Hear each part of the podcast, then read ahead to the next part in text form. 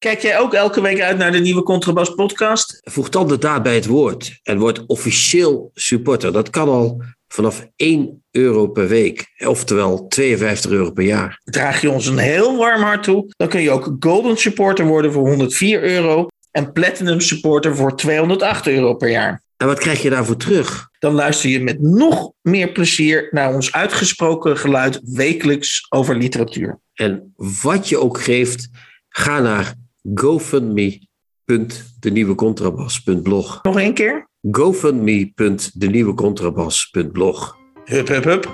Hup.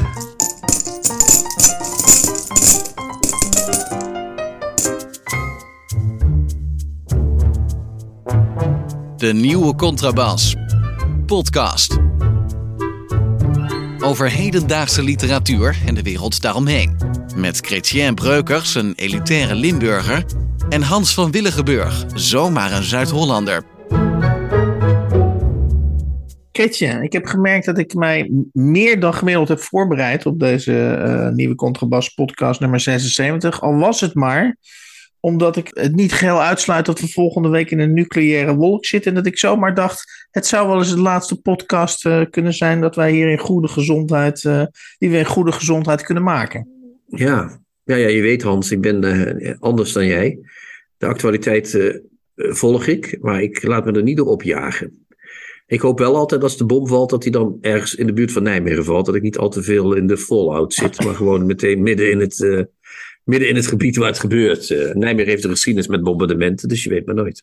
Maar ja, Rotterdam ook, dus we zullen zien. Ik, ik, ik vind het heel erg. de kans dat hij op Rotterdam valt is, is groter dan dat hij op Nijmegen gaat vallen. Dus, waarom? Nou, we hebben hier een petrochemische industrie waar, uh, waar Poetin ook van op de hoogte is. Dus als je hem hier laat neerkomen, dan, uh, dan heb je een wat groter. Uh... We hebben hier die semi-geleiders worden hier gemaakt. Hoe heet die dingen?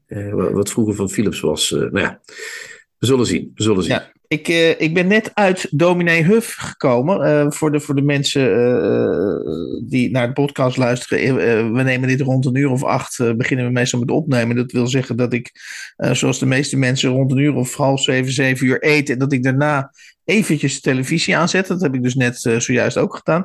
En toen viel ik zomaar, of zomaar, misschien is dat helemaal niet, geen toeval. viel ik in bij Philip Huff.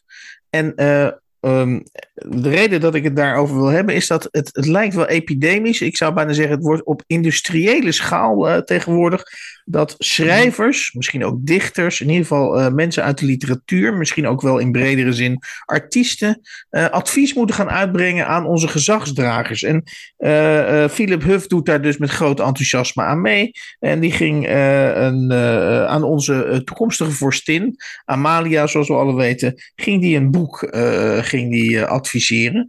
En het zonder helemaal in te gaan op, uh, op dat boek zelf. Het was overigens een boek van Claire Keegan, die, die genomineerd is voor de Ben Booker Prize.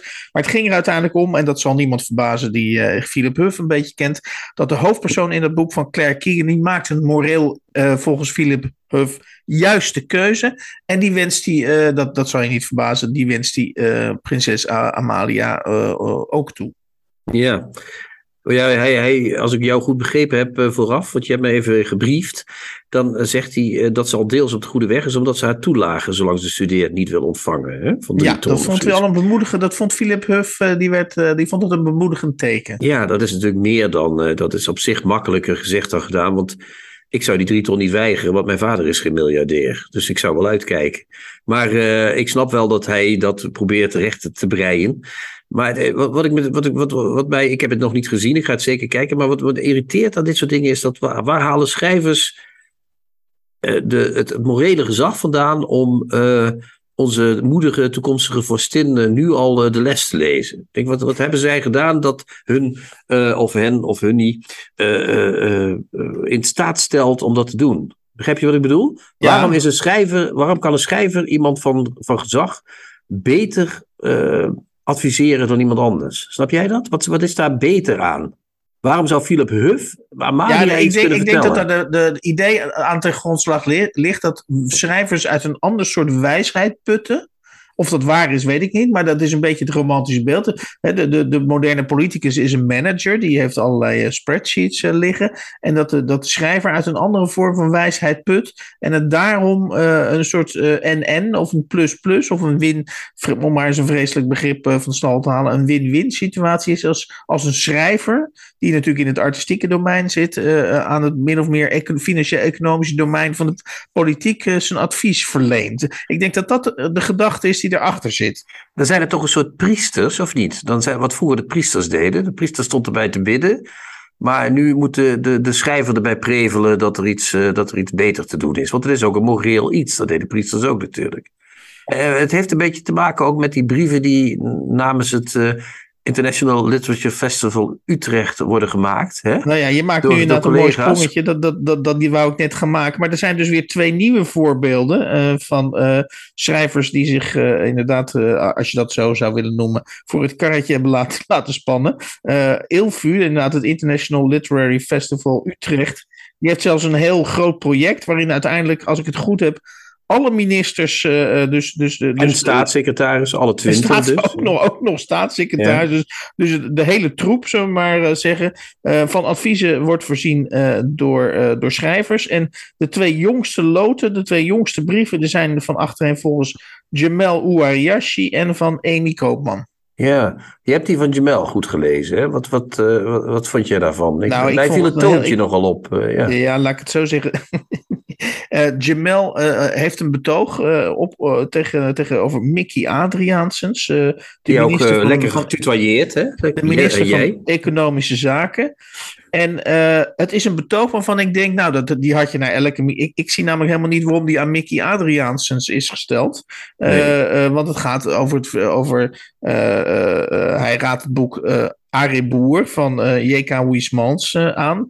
En uh, ja, hij verwijt dan de politiek. Dat is een oud verwijt. Dat is met andere woorden, er komt ook zelden iets nieuws uit in die, of, of iets verrassends uit. Um, namelijk, hij verwijt de politiek dat ze alles hebben, zeg maar. Um, de nutsfunctie hebben ze. Ja, de, de, de nutsfunctie is de enige en e-, enige de, functie die is overgebleven. En waaraan. Uh, uh, dus de enige maatstaf der dingen. En uh, door Wiesmans, de bekende decadente auteur, Franse decadente auteur uit de 19e eeuw, gooit hij daar zijn kont in de krip. En ook al ben ik het inhoudelijk misschien, uh, daar uh, kan ik me best wel vinden in, uh, in het betoog van uh, ik ben namelijk ook geen fan van het neoliberalisme.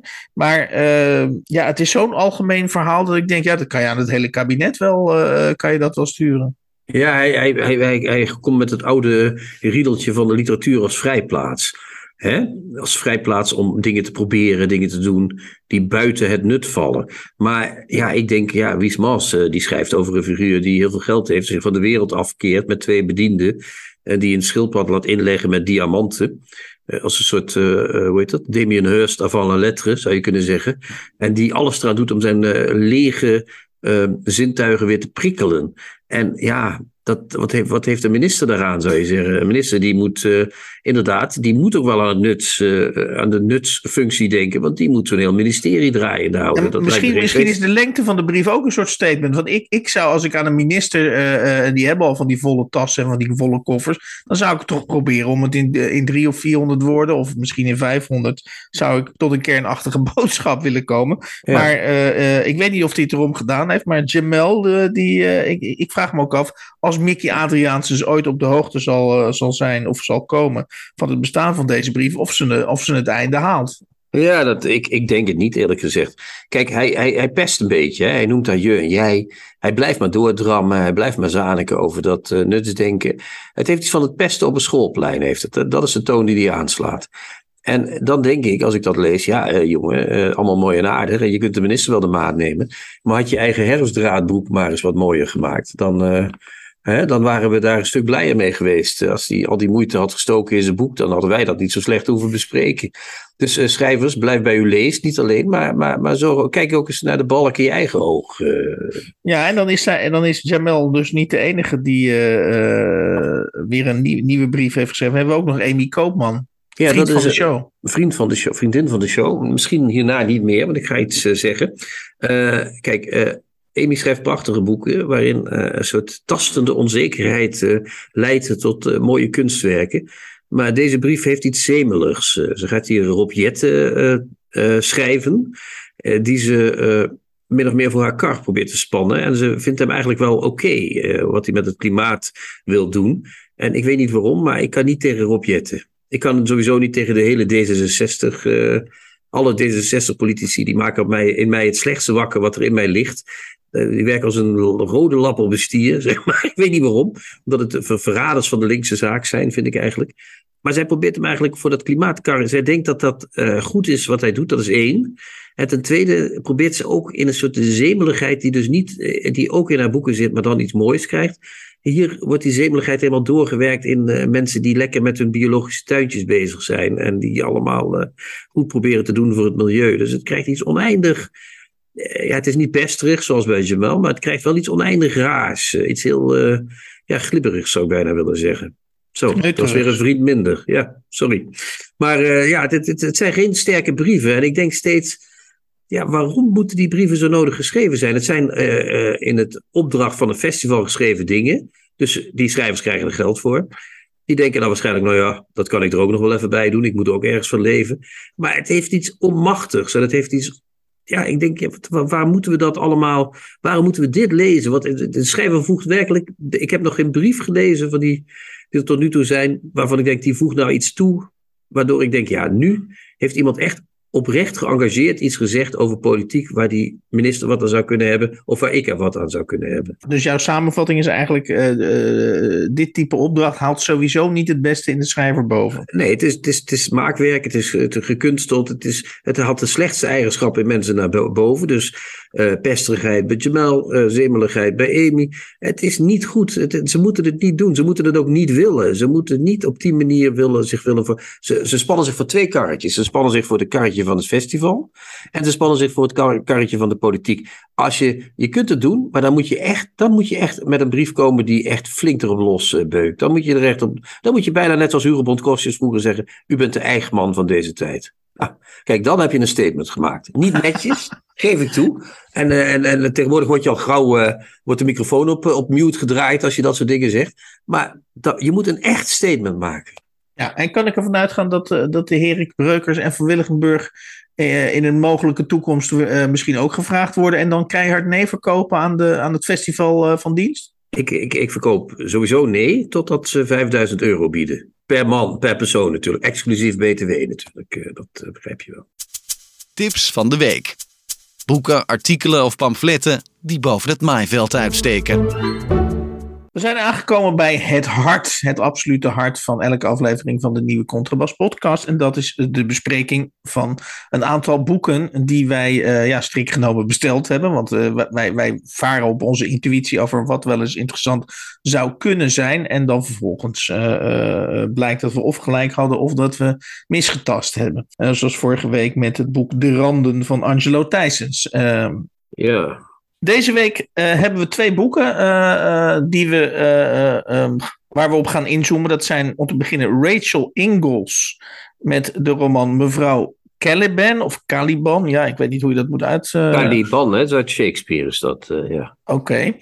Ja. en dat is een boek dat uit de Schwab-reeks komt. Dus dat is een reeks van klassieke boeken die opnieuw in vertaling uitkomen. ja. En dan hebben we als tweede boek uh, hebben we uh, de uh, Nederlandse schrijfster Femke Brokhuus, als ik dat goed uitspreek, met de roman Kleine Haperende Vluchten. En dat is haar, volgens mij haar tweede roman. Klopt. Eerst gaan we dus Rachel Ingalls doen bespreken. En Chrétien, doe jij maar een aftrap. Ja, mevrouw Caliban. Ik moet eerlijk bekennen, Rachel Ingalls, ik had er nog nooit van gehoord. Ik, ook ik kan niet. wel doen alsof het wel zo is. Maar ik uh, ken daar niet. Uh, het boekje van Orla door Orlando uitgegeven ziet er ook niet uit dat je denkt, nou, dat nemen we eens mee uit de boekhandel. Hè? Een beetje een, uh, beetje een donker dingetje. dan sla je het open, begin je te lezen en ben je finaal van de kaart. Tenminste, ik wel. Want het is een klein boekje, 132 bladzijden, maar het is met een reetje. Toch, Hans? Of ja, ik, alleen al, ik, ik, ik, en dat gebeurt me dus niet vaak, maar dat, ik had dus hetzelfde. Eh, gelijk bij de eerste twee uh, alinea's. Was, ik, ik werd eigenlijk gelijk door de eerste twee alinea's werd ik volkomen weggeblazen. Ja, het, we, we, beginnen hier met Fred. Fred is de man. Fred, ja, we hebben het met een, met een man en een vrouw, Dorothy en Fred. Dat zijn de ja. twee centrale personages. Eigenlijk, er zit nog een derde, derde belangrijk personage. Ja, die komen zo meteen. Zo ja, die komen zo meteen. Uh, Fred en Dorothy hebben een huwelijk dat, nou ja, laten we het voorzichtig ja, zeggen. nee, maar dat is juist het goede. Ze hebben een huwelijk wat in die eerste twee alinea's onmiddellijk uh, uh, genadeloos wordt neergezet. Uh, veel bijzonders is er niet meer van over. Hè? Het is niet meer dat je zegt: Goh, wat is het daar gezellig allemaal ja, in huizen. Zal ik het voorlezen? Want ik heb wel het idee maar, doe maar, doe maar, doe maar. dat het begin vind ik zo geniaal. ja. Doe maar. Ja? De eerste zin, ja, ik vind, ik vind, ik, hoe, hoe je zo kunt beginnen, vind ik al fantastisch. Fred vergat drie dingen op rij voordat hij bij de voordeur was op weg naar zijn werk. Nou, eigenlijk, laat, dat, laat, dat, laat dat maar de eerste zin zijn. Dat, is, dat zegt eigenlijk al genoeg het niveau waarop dit, uh, dit zich gaat afspelen. Fred vergat drie dingen op rij voordat hij bij de voordeur was op weg naar zijn werk. Ja. ja, het is fantastisch. En je merkt ook meteen, die man die vergeet van alles en die is een beetje stuntelig. En dan weet je ook dat, hoewel die mensen nog getrouwd zijn, die Fred, die is op weg naar uh, woeste zaken, zeg maar. Die is iets, die is iets aan het doen wat niet helemaal deugt. En dat klopt ook, als we het boek verder ja, bekijken. Ja, wat ik maar zo, we moeten nog een stapje terug doen. Fred Ja, en ja. Dorothy hebben een huwelijk dat een beetje op het eind loopt, maar die proberen er nog, hè, op, z'n- in zo'n Amerikaanse buitenwijk wonende, het beste van te maken. Dat is één. Eh, het huwelijk is slechter gegaan omdat ze een kind verloren zijn. Scotty, Mhm. hè, die, die, die, die is vroeg gestorven en dat heeft voor veel verdriet gezorgd en voor verwijdering tussen de echte lieden. Dorothy, die eh, eh, probeert wel van die Fred af te komen, maar dat lukt nog niet helemaal. Ze, ze, ze durft nog niet helemaal. Ze heeft een goede vriendin, Estelle. Daar heeft ze heel veel contact mee. Die is, daar is ze echt als een zus mee. En die vertelt ze alles. Onder andere ook over dat verschrikkelijke huwelijk met Fred. En eh, dan denk je, nou, dit wordt zo'n eh Cheever of Carver-achtige voorstadsroman. Mhm. waarin we de ellende in dat huwelijk krijgen. Maar dan komt het iets, dan doet eh eh, Ingalls iets heel geniaals. Ineens eh, blijkt er, te- zij, zij zit zo naar het nieuws te luisteren, er blijkt een of andere soort kickforce-achtige hele grote man, die in een, eh, in een instituut werd onderzocht, want ze wisten niet wat voor levensvorm dat was. Die blijkt te zijn ontsnapt en die ontsnapt en die stapt in dat huis van Fred en eh, Dorothy binnen. Ja, dus, dus er, avond. ja, er is een soort maritiem, eh, maritiem hoe, hoe, hoe noem je dat ook weer? Een, eh, Instituut. Een maritiem instituut, ja. En daar worden dus allerlei eh, levensvormen worden onderzocht. eh, dieren onder andere. En daar, is de, daar ontsnapt iemand inderdaad. Ja, een mensachtig figuur die, die er toch vissenachtige kenmerken heeft. En eh, de, de- die. eh, Hagedisachtig wordt er ergens hagedisachtige kenmerken heeft. En die, heeft, eh, die is er op een gegeven moment zat daar. En die heeft die twee onderzoekers de nek en de kop of afgedraaid. En die is op de vlucht geslagen en die komt bij Dorothy binnen. En Dorothy, en nu komt het onwaarschijnlijke, wat toch, onwaarschijnlijke, wat toch volledig waarschijnlijk wordt uitgewerkt in het boek. Ja, dat is Die het knappe van deze roman inderdaad. Die verstopt hem in de, in de, in de, in de logeerkamer. Dat je denkt, hè? Als ik, als ik bij mij thuis iemand in de logeerkamer heb, kan je er donder op zeggen dat iemand dat zelfs bezoek zou het werken, weet je wel. iemand loopt dus die kamer in of kijkt daar eens of zo. Maar dat is heel, en hij eet ook eh, heel veel, dus ze moeten de hele tijd eten voor hem koken, krijgt een relatie Ja, met hem. Maar die man, ja. die man, die Fred, die is de hele tijd weg. Die heeft de hele tijd overwerk tussen aanhalingstekens. dus je weet al, ja, zij weet ook van hij is waarschijnlijk aan het vreemd gaan. Ondertussen, eh, eh, dus dan ontstaat die hele relatie tussen die twee. En eh, dan gaan ze ook s'nachts met de auto erop uit. want hij kan niet overdag buiten lopen natuurlijk. Heel soms ja, van, zijn ze bang dat hij gezien wordt, maar hij wordt niet gezien. Het is heel onwaarschijnlijk dat je met zo'n... Hij is ook nog meer dan twee meter lang. Dus hoe je dat allemaal verborgen houdt, God mag het weten. Maar, is, ja, maar mag ik één vraag stellen? Is het, want, want het knappe van deze roman is volgens mij dat het dus eh, op huishoudelijk niveau wordt, bij wijze van spreken, eh, tot in details. Daarom is het ook zo fascinerend dat ze begint met, met te vertellen dat die man drie dingen vergeten is. Vervolgens gaat ze namelijk uitleggen welke drie dingen. Dus Ja. het speelt zich tot op zekere hoogte op een heel huiselijk niveau af. Hè? Dus Klopt. kamers, eh, pannensets, uh, deuren, uh, behang. Alles wordt, alles wordt minutieus beschreven. En dan komt daar opeens. Uh, dus dat is een heel naturalistisch, ogenschijnlijk normaal decor. Maar dan komt er inderdaad allerlei. komt dus die, die, dat vreemde dier komt binnen. En een van de mogelijkheden, zat ik te denken, Chrétien, maar ik weet niet of jij daaraan gedacht hebt, is dat zij toch een onbetrouwbare verteller is. dat, dat... Uiteraard, ja, ja. Ik denk namelijk, ik heb dit boek lezend gedacht dat dat dier dat staat symbool voor, die, voor, haar wensen voor dat huwelijk. Of voor haar wensen buiten het huwelijk. Ze krijgt ook een relatie met hem. Ze liggen de hele dag uh, uh, op bed, als ik het zo netjes mag zeggen. Dus dat is echt een heerlijke puber. Ze heeft ook in de puberteit nooit relaties gehad, zegt ze. En nu heeft ze een soort puberrelatie met die man. Uh, ze zit de hele dag ook avocados voor hem te schillen. Het is echt fantastisch. Ja, en de manier, waarop de, de manier waarop ze beschrijft dat dat voedsel in de mond van die, van dat, van die man verdwijnt, is ook geniaal. Ja, hij, hij, hij, gooit het naar binnen, van boven naar beneden. Dat is ook fantastisch. spaghetti met zout en boter en huppakee, daar gaat weer een heel mandje, weet je wel. Zo. Hij, ja, twee meter nog wat, die man. En die ligt de hele dag, uh, hè? dus die moet uh, eten als een uh, kameel. ja, en, en, dat combineert ze dan nog met, met, met prachtige beschrijving van zijn, zijn, zijn groenachtige huid, met een, met een prachtige botstructuur structuur. Weet je wel? Dat je denkt van. En zijn vel wat zo lekker is. Maar zo. Het is ook heel sensueel allemaal. Ja. Maar het, het, het vreemde is, nu, nu, nu lijkt het alsof er. Het is een soort sprookje. Hè? Dat, dat lijkt het wel. Zij leeft misschien wel in haar eigen wereld. Het zou ook nog kunnen. Zeker. Uh, maar dan komt er aan het eind, en dat kunnen we niet uh, vertellen, want dan is het hele boekje voor, voor de mensen die nog gaan lezen om zeep. Weet ze er toch nog een enorme tragische draai aan te geven, toch? Of niet? Jazeker. Laten we zeggen dat uh, het aantal lijken, schreef iemand in het na, schrijft uh, Rivka Galgen in het nawoord, is hoger dan in de gemiddelde Westen. En dat klopt. Dat is echt ja. dood, dood, en verderf wordt er nog gezaaid in de Amerikaanse suburb. Maar dan eindigt het heel, heel tragisch met haar. Dat zij, en we kunnen dat inderdaad opvatten als, er zijn dode gevallen en ze is alleen. Maar we kunnen het ook opvatten van, ze is uiteindelijk toch alleen. In de zin van gescheiden van iedereen en ze woont op zichzelf. Ja. Dat weten we niet aan het eind. En dat maakt het boekje gek genoeg, ondanks het huiselijke niveau waarover jij spreekt, hè, heel diep of heel gevoelig of heel uh, uh, nou, ontroerend ook wel, vind ik eerlijk gezegd. Ja, zeker, ja. zeker. En, en, wat ik heel bijzonder vind aan het, aan het boek en, is dat zij uh, dat milieu uh, dat, uh, van, van de buitenwijk en, van, en van dat, zoals dat in Amerika is, een consumentistische buitenwijk met malls, met, met super, me, mega supermarkten, cocktailparties. En zo. De dat, in feite dat zij Larry, de, de, de, want dat is de naam van, van, het, van, het, van, het, van het dierlijke wezen waar, wat bij haar gaat logeren, dat Larry in feite uh, menselijker is of veel natuurlijker en veel in zekere zin bijna geloofwaardiger dan die rare, uh, uh, buiten, dan die rare buitenwijk waar mensen in feite op een hele, ja, op een hele, ja, hoe zullen we dat eens nemen, schizofrene of misschien wezensvreemde manier met elkaar omgaan. Nou, op een hele indirecte manier, door iets te kopen of door iets te doen. Ja. Larry reageert heel basic. Op een gegeven moment zijn er jongens in een park die hem s'nachts lastigvallen. Die trekt hij gewoon allemaal de kop af. Ja, dat is voor hem heel duidelijk. Van die waren vervelend. En het is ik, ik ging eraan of die vijf jongens. En dan begint het drama pas echt, zeg maar, in het boekje. Maar die, hij, hij, hij denkt niet zoals wij. Maar hij denkt wel heel sterk. Ik moet overleven. Dus hij denkt nog je zou kunnen zeggen tussen aanhalingstekens dierlijker dan wij uh, gewend zijn te doen. Ja, en wat, het, wat ook bijzonder is aan dit boekje, als je ons hier nu over hoort praten, dan zou je zeggen, nou, uh, dat, dat, dat heeft wel een pagina of twee of driehonderd nodig om dat tot ontwikkeling brengen. En op een of andere manier is die Rachel Ingalls erin geslaagd om dat inderdaad ontzettend gecondenseerd uh, te presenteren.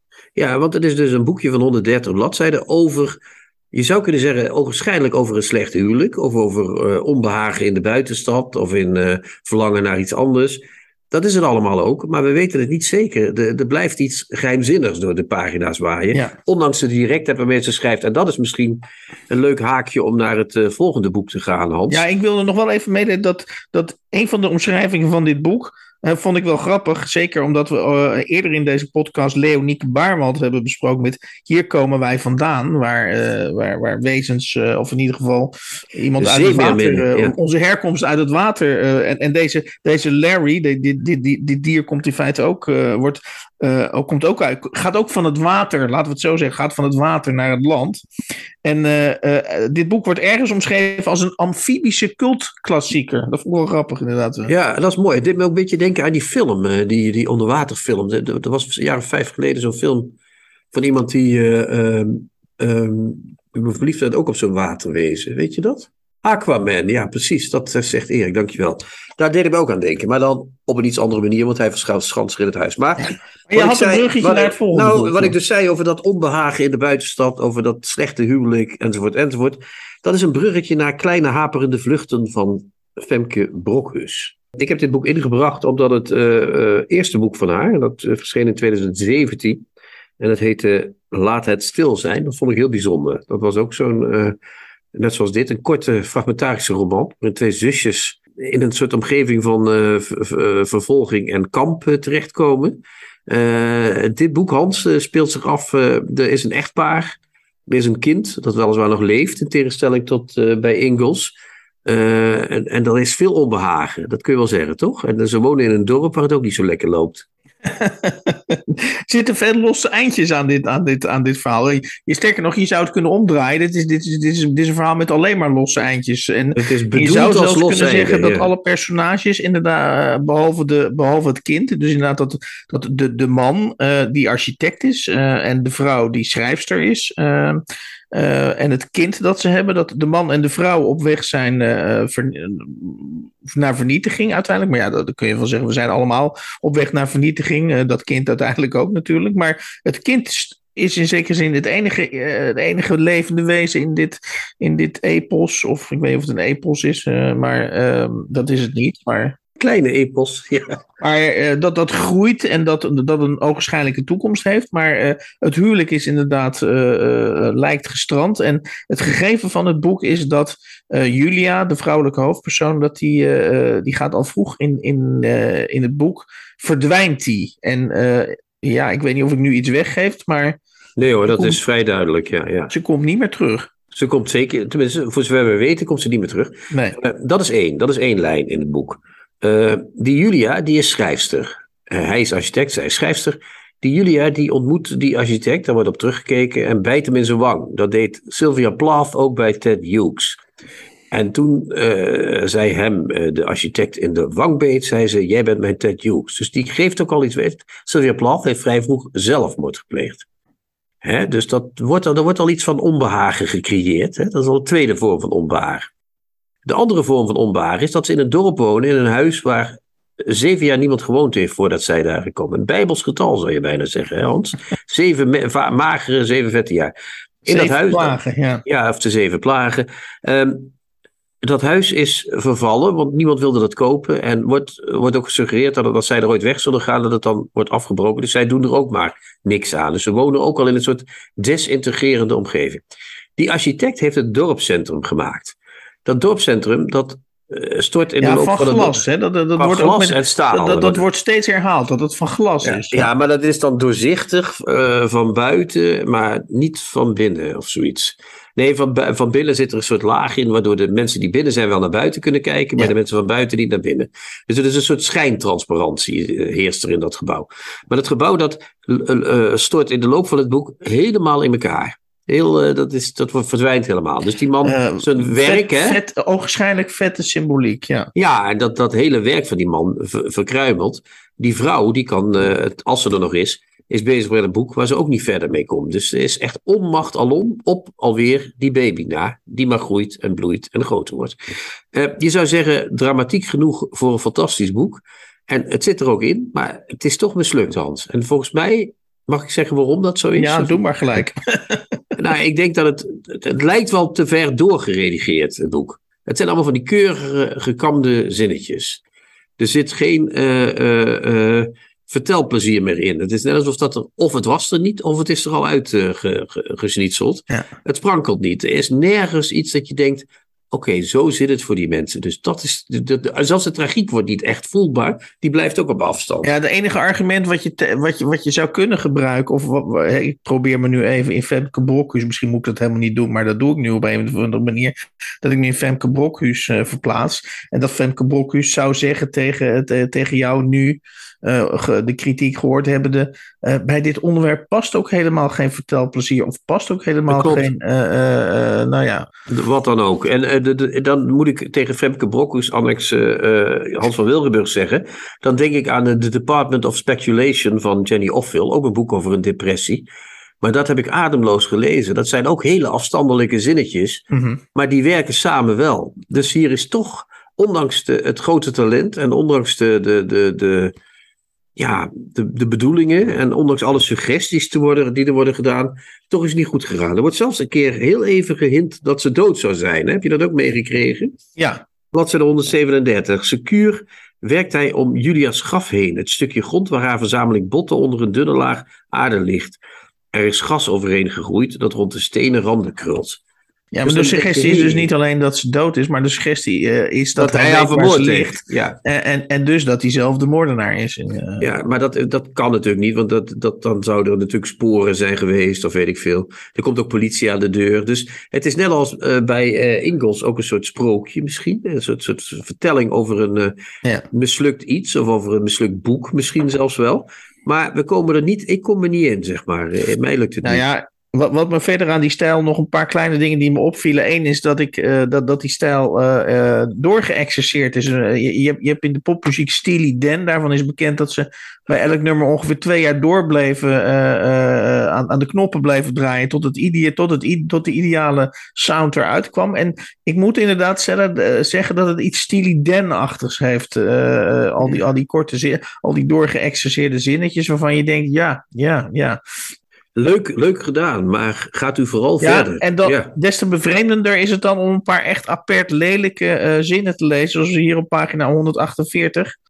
Er wurmt zich een schuldgevoel naar binnen dat te groot is voor zijn lichaam. Ja, dat is ook. Ja, dat is, dat is een beetje van dat. eh, dan wordt het ineens therapeutenproza, toch? Ja, en dan op pagina 153. Er zit een kalmte in het voortbewegen, in alles wat opdoemt en wat hij achter zich laat.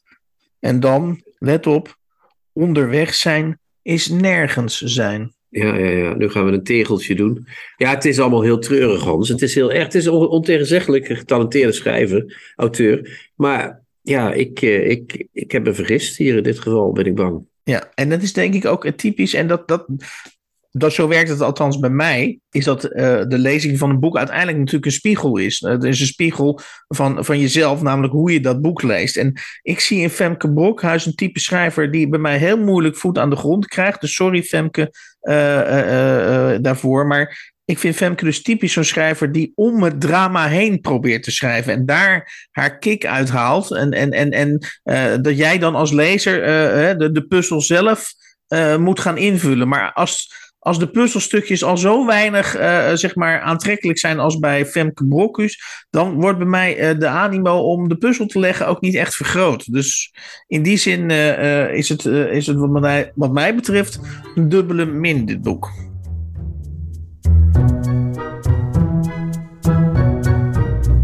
De nieuwe contrabas. Podcast. We gaan iets nieuws doen. Uh, we gaan namelijk niet, zoals we vorige week overigens, uh, heb ik dat samen met Chrétien met heel veel plezier gedaan, de bundel Mythen en Stoplichten van Alara Adilov, Adilov volgens mij was het. Uh, was wat mij betreft een mooie afsluiter van uh, aflevering 75. Maar we gaan nu, wat ik zeg, iets anders doen. Wat, wat gaan we doen, Chrétien? We gaan een, boek met vertalingen lezen. Althans, niet helemaal, maar we gaan één gedicht eruit lezen. Het origineel en de vertaling. En de gedichten in het origineel, Hans, zijn van Rainer Maria Rielke. Die kennen we nog wel, hè? We hebben, we hebben zijn uh, verzamelde... En van, en waar de aandrang om, om de... Want je, je, gaat dus, je gaat dus, neem ik aan, nu de, de vertaling recenseren. Begrijp ik dat goed? Ja, nou, er was op een gegeven moment een, uh, er was een nieuw boek met vertalingen van Rielke verschenen. Dat gebeurt om de havenklap. Rielke is toch nog wel een soort... Uh, Hè? Alles gaat kapot, maar de vertalingen van Rielke blijven verschijnen. Zoiets. Mhm. Mm -hmm. uh, en, maar ik zag een nieuwe vertaling en die stond op bloemlezing en vertaling door Piet Thomas. En Piet Thomas Hans is een uh, uh, priester uit Vlaanderen. geboren in 1929 en leeft nog steeds. Is dus nog niet zo oud als de belastinginspecteur uit Oegstgeest die jouw vader is. Maar begint toch al aardig op leeftijd te raken een priester. En die gaf, uh, uh, die was hoogleraar, uh, is nu met emeritaat, was hoogleraar aan de Katholieke Universiteit te Leuven, waar ik in Aha. 1988 als 23-jarig aanminnig Erasmus-studentje arriveerde. En daar kregen we les van Piet Thomas, een man met een stem als een bronzen klok. En die een soort uh, correct Nederlands sprak, waarin toen, waar toen de gestudeerde Belgen nog hè, het, het, diep respect voor hadden. Ja, ja dat, dat, die man die, die gaf college, dat was alsof, alsof er een klok de hele tijd door de, door, door de collegezaal ging. En dat was een bevlogen man. En blijkbaar ook priester, daar werd toen helemaal niets van gemerkt. Misschien had hij een kruisje op zijn revers of zo, maar die had gewoon een pak aan. Dus, maar hij was ook priester toen. En toen, eh, ik wist wel dat hij vertaler was. En ik had hier en daar wel eens wat in tijdschriften gezien. Die man heeft ook iets van honderdduizend recensies ook nog eens een keer in zijn leven geschreven voor verschillende bladen. Het is echt zo'n uh, universele priester, zeg maar. literatuur geïnteresseerd. Was, ik was altijd gek op die man. Wij moesten ook over uh, psychoanalyse bij hem kregen we les. Ook heel grappig. Hè? Een priester die over psychoanalyse les geeft. En toen hadden we uh, een werkstuk over. had ik een referaat over Freud gehouden. Waarin ik Freud lichtjes aanviel. En toen zei, toen. Wat natuurlijk zeer arrogant was voor iemand van 23. En toen zei hij na afloop alleen maar. Bedankt voor de input uit Holland. Waarop ik nog zei: Ik kom niet uit Holland, ik kom uit Nederland. En toch was het een geweldige lieve man. Hij heeft me, hij heeft me laten Oké, dus je was benieuwd eh, wat er, wat er van uh, Piet Thomas heet dat wat die, Ja, op zijn 92 komt hij, uh, 93, wat is het, 71, bijna 93 komt die goede man met een uh, gedichten, bloemlezing en vertaling door Piet Thomas, uitgegeven door Sterke en de Vrezen. En ik wilde ook wel eens weten wat dat met die Rielke was. Hè? Waarom, waarom zo'n priester, wat heeft hij met Rielke? En wat ik dacht, kwam uit, die, hij heeft heel veel vertaald uit het Stundenboeg. Dat is uh, de tussenbundel van Rielke. Die, uh, Rielke 1875-1926 is in 1905 gepubliceerd. Dat is toen de boek. Dat is, nog, dat is de afsluiting van zijn wat zemelige beginperiode. En het is een scharnierbundel die op weg gaat al naar dat latere hermetische werk, weet je wel. Okay. De Dunzer Elegieën en zo, de sonetten, sonetten aan Orpheus. Okay. En, en, en, daar zit ook de meeste religie in, in die gedichten. Dus maar maar zit ik ernaast als jij zoveel jaar na dato Piet Thomas een beetje de, de maat gaat nemen? Nee, nee, niet de maat gaat nemen. Dus het verbaast me niet dat een priester. Uh, uh, uh, dat die inderdaad. Ik dacht, ja, natuurlijk, die man die kiest het meeste in die bundel uit dat uh. Want daar zitten de meest religieuze gedichten in.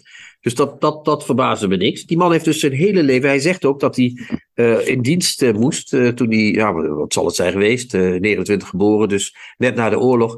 Dat, mm. hij, met een, dat hij dat heeft overleefd. Of overleefd, tussen aanhalingstekens. Dat hij dat ja. heeft doorstaan. Met een bundeltje rielke in zijn achterzak. Vind ik zo'n schattig beeld. dat je tussen het schieten door zo'n bundeltje tevoorschijn had. En dan, met, dus ik, ik wilde gewoon eens weten wat die man ervan gebakken had. En omdat, zeg maar, de, de proof of the pudding is in the eating. Hè? Of hoe heet het ook alweer? Kom op, huppakee. Nee, maar ik ben toch niet te lang bezig. Nee, ik probeer nee, even schetsen waar het allemaal... Uh... We nemen dus een van de bekendste gedichten, Hans, nu. Uit, uh, go, go, uit, go. Ja, ja, go, go, go. Hebsttaak van uh, Rainer Maria Rilke uit dat Stundenbuch. En dat ga ik eerst auf Deutsch sagen. Ist das gestattet? Oder? Ja, ja, geht, jetzt geht los. Jetzt geht die Party richtig los. Herr, es ist Zeit. Der Sommer war sehr groß. Leg deinen Schatten auf die Sonnenuhren und auf den Fluren lass die Winde los. Befiehl den letzten Früchten wohl zu sein, gib ihnen noch zwei südlichere Tage, dränge sie zur Vollendung hin und jage die letzte Süße in den schweren Wein. Wer jetzt kein Haus hat, baut sich keines mehr. Wer jetzt allein ist, wird es lange bleiben, wird wachen, lesen, lange Briefe schreiben und wird in den Alleen hin und her und ruhig wandern, wenn die Blätter treiben. Wie kent het niet, Hans? Jij kende het ook, toch? Of niet? Jawel, iedereen heeft dat gedicht wel een keer gezien. uh, dat is zo mooi omdat het zo'n zwaar gedicht is. Het is echt een herfstdag van een gedicht, hè? De zomer was heel groot. Uh, uh, de laatste vruchten moeten nog wat vol worden, hè, zodat de wijn uh, volgend jaar goed is. Ja, ik, zou, ik, had, ik had wat Ilja Gort beelden kreeg ik door, maar inderdaad. Reiner die draait nu een slagje om in zijn graf. of René, zoals hij ook wel genoemd werd. Die, die hoor je nu bonk in het graf waar die, waar die ligt. Hallo, Ilja Gort zeg. Uh, maar goed, wie, wie, wie, nu geen huis heeft, hè, bouwt zich er ook geen meer. Dat, is een afscheidsgedicht. Hè? Dat ja, is, ja, ja. En dan uh, Piet Thomas, onze bron. Ja, ik ben heel benieuwd. Want ja. in, in, het Duits klinkt het alsof je. Ik, ik droom er een beetje bij weg. Maar goed, dan komt het Nederlands. En dan, dan word je meestal door. hard in de modder gedrukt. Maar ga door, ja. In de Vlaamse klei, zouden we in dit geval ja. moeten zeggen. Heer, het is tijd. De zomer was zeer groot. Leg nu je schaduw op de zonnewijzers en woel de velden met de winden bloot. Gebied de laatste vruchten vol te zijn. Verleen hun nog twee zuidelijker dagen. Stuw hen naar de voleinding en wil jagen de laatste zoetheid in de zware wijn. Wie nu geen huis heeft, bouwt er zich geen meer. Wie nu alleen is, zal het nog lang blijven. Zal waken, lezen, lange brieven schrijven en zal in winderige lanen heen en weer onrustig dwalen als de blaren drijven. Nou, dat viel toch alles mee, of niet, qua modder? Ja, nee, het blijft wel een mooi, het blijft wel een mooi dromerig gedicht. Ja, ja het blijft een mooi dromerig gedicht. En, maar poetry is what is lost in translation, zoals uh, Pound volgens mij zei. Uh, of iemand anders, dat kan ook. Ik weet het niet. maar um, hij zegt hier iets mooier dan. of in vloeren las die windeloos, zegt Rielke. En woelde velden met de winden bloot. Hij heeft hier een klinker, hoe heet dat, eerste letter? Assonant, alliteratie. Alliteratie die niet bij Rielke voor. Hij maakt het nog een tikkeltje mooier dan Rielke zelf. Dat is toch wel fantastisch. Ehm, en dan krijg je dat. beviel de laatste vruchten vol te zijn. Hij maakt hij van gebied de laatste vruchten vol te zijn. Wat er precies mis is met het bevel de laatste vruchten vol te zijn, weet ik eigenlijk ook niet. Uh, misschien omdat hij die i-klank van beviel uh, wil uh, hebben. -huh. verlenen nog twee zuidelijke da dagen. Stuw hen naar voleinding en wil jagen. Dat vind ik heel mooi vertaald. De laatste zoetheid in de zware wijn. Dat vind ik allemaal prima. Maar dan, wer jetzt keine huis had, bouwt zich keines meer. Daarvan maakt hij wie nu geen huis heeft, bouwt er zich geen meer. Hij probeert echt we merken dat die Rielke, en dat is lovenswaardig, in het ritme probeert te volgen. Maar hier hobbelt hij volgens mij net één stapje te ver. Het is net, uh, hij, hij, als monsieur Hulot, hij, hij, struikelt net over het laatste trapje, zeg maar. Het is, het is wat in het Duits... En, en is, dat, is dat eenmalig of, of gaat hij daar nu mee door? In dit gedicht is dat eenmalig, want daarna zegt hij... Wie nu alleen is, zal het nog lang blijven. Wer jetzt alleen is, wird es lange blijven. Hmm. Uh, hij had ook kunnen zeggen, zal het lang blijven, maar dat is te weinig. Dus dat doet hij hier denk ik wel uh, oké. Okay. En dan zal waken, lezen, lange brieven schrijven. Vind ik ook datzelfde slepende lijzige hebben wat, uh, wat Rielke ook heeft. Ja, ja. En zal in winderige lanen heen en weer. Ontweert in den alleen hin en weer. Dat is eigenlijk, ja, ik kan niet zeggen dat het slecht vertaald is, in tegendeel. Mm -hmm. onrustig dwalen als de blaren drijven. Nou ja, ik weet niet hoe dat bij jou is, Hans, maar bij de blaren denk ik aan de Vierdaagse. Maar ja, goed, bladeren is weer een paar lettergrepen te veel. En uh, dat kan dus niet. Dus hij uh, kiest hier voor een wat, uh, ja, tachtigers oplossing, hè? de blaren drijven. Ja. Maar ja, ik zou niet weten, onrustig dwalen als de bladeren drijven, is weer net één lettergreep te veel. Dus ik denk dat hij hier toch die man heeft dat vanaf uh, zijn diensttijd. Heeft maar hij dat even voor mijn begrip, het is blaren of bladeren? Nee, blaren drijven. Ja, dat, dat, dat is dus heel raar. Ja, dat is heel, heel erg archaïs. Hè? Maar hij zit wel dicht tegen de Rielke aan. Dus hij zit er dicht op. En ik denk dat hij hier die lettergreep te veel, dat dat gewoon niet gekund had. Nou, ik denk geval. dat je binnenkort gewoon eens een uh, bezoekje moet brengen aan een rusthuis in de omgeving van Leuven. En dat je dan eens een keer een gezellig middagje over met meneer Thomas. Met, ja. Piet Thomas moet gaan. Uh... Ja, het is dus een boek wat uh, voor de. Het is een boek voor de Rielke liefhebber, als ik het even mag afsluiten. Maar het is ook een boek, als je zeg maar de, de Rielke wil leren kennen, is het ook een aardig boek. Omdat het tweetalig is. Niet iedereen zal het Duits gemakkelijk lezen.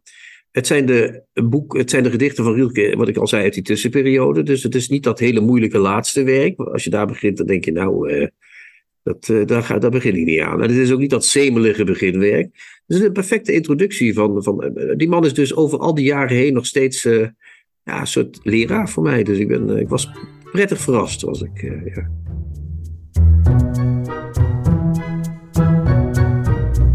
De nieuwe contrabas. Podcast.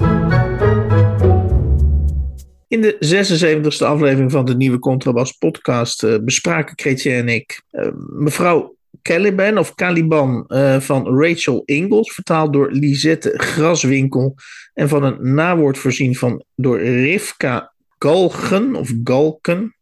Gelken. Je hebt het nu in ieder geval één keer goed gezegd, Hans. Dat weet ik, ik hoop het, ik hoop het. Het uitgegeven door Orlando in 2022. Ja. En dan hadden we de En dat is misschien wel het woord chrétien wat we in de recensie nog niet genoemd hebben, maar wat misschien wel van toepassing is uh, als op het hele boek. Namelijk, dat het, ik vind het een, uiteindelijk een minimalistisch geschreven boek en een beetje te minimalistisch. Uh, ja, het is min- zakt door de minimalistische ondergrens heen. Ja, het boek heet, uh, is van Femke Brokhuis. Het is haar tweede roman.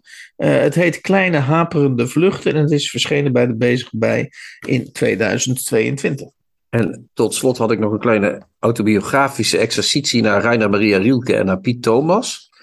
Uh, professor, emeritus professor Piet Thomas heeft werk van Rielke, waar hij een hele leven mee heeft rondgelopen, vertaald. Dat is nu verschenen onder de titel, de prachtige, ook minimalistische titel, Gedichten, Bloemlezing en Vertaling door Piet Thomas. Uh, verschenen bij uh, Sterk en de Vrezen in Friesland. Rielke, Hans, is toch altijd goed. Hè? In donkere tijden zoals deze is er altijd een mooi gedicht van Rielke, toch? Maar begrijp, begrijp ik nou goed, ja, maar, uh, ik ben even in verwarring, dan wil ik toch even kont van doen. Begrijp ik nou dat de titel van het boek, dat, Rielke, dat hij Rielke er vanaf heeft gehaald en dat hij zichzelf... Nee, oh. Nee de auteur is Rainer Maria Rielke. Okay. En de titel is Gedichten en de ondertitel is Bloemlezing en vertaling door Piet Thomas. Nee, oh, okay, okay, zo'n man is heel bescheiden natuurlijk. Die, is niet zomaar, die gaat niet zomaar uh, zichzelf als auteur uh, neerzetten. Nee, dat gaan we Oké, niet dat was een misverstand, ja. Ja, ja nee, is een veel te lieve man voor.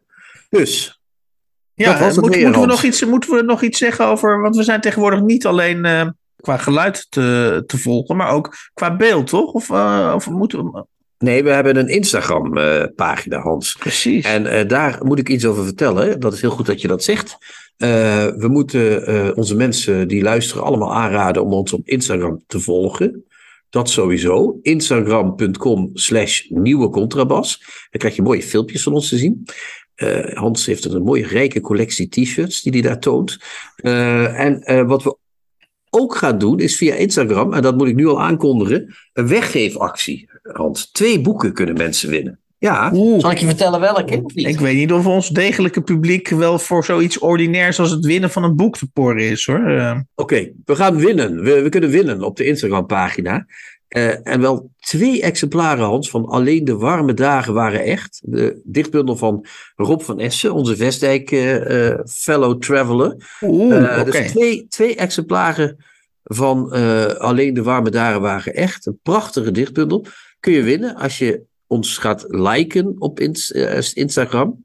En dan onder het berichtje, wat zo rond de tijd dat deze podcast verschijnt, daar zal te zien zal zijn, zegt waarom je die bundel wil winnen. En uit hè, de vele inzendingen maken we dan een, een keuze. Oh jee, oh jee, oh jee. Dus, dus er, moet, er moet een prestatie geleverd worden. Er moet, Mensen moeten ons liken. reden worden opgegeven waarom je die bundel wil winnen. Mijn, mijn ervaring is, zeg nou maar, zet nou maar gewoon een duimpje op dat bericht en, en, en verloot, dan, uh, verloot dan het boek. Uh. Hoe meer moeite, hoe meer kans, Hans. Zo zit het in elkaar hier in de wereld.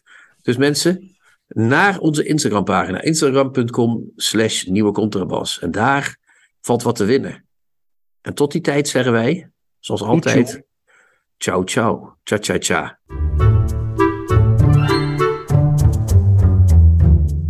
De nieuwe Contrabas podcast wordt gemaakt door Chrétien Breukers, Hans van Willigenburg en Erik Lindenburg.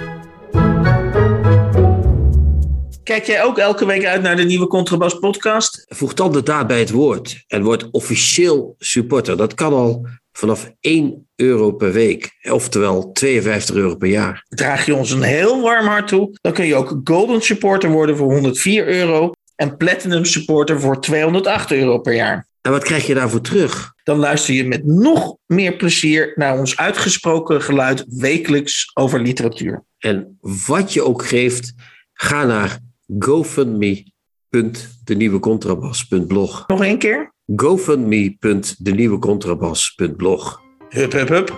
Hup.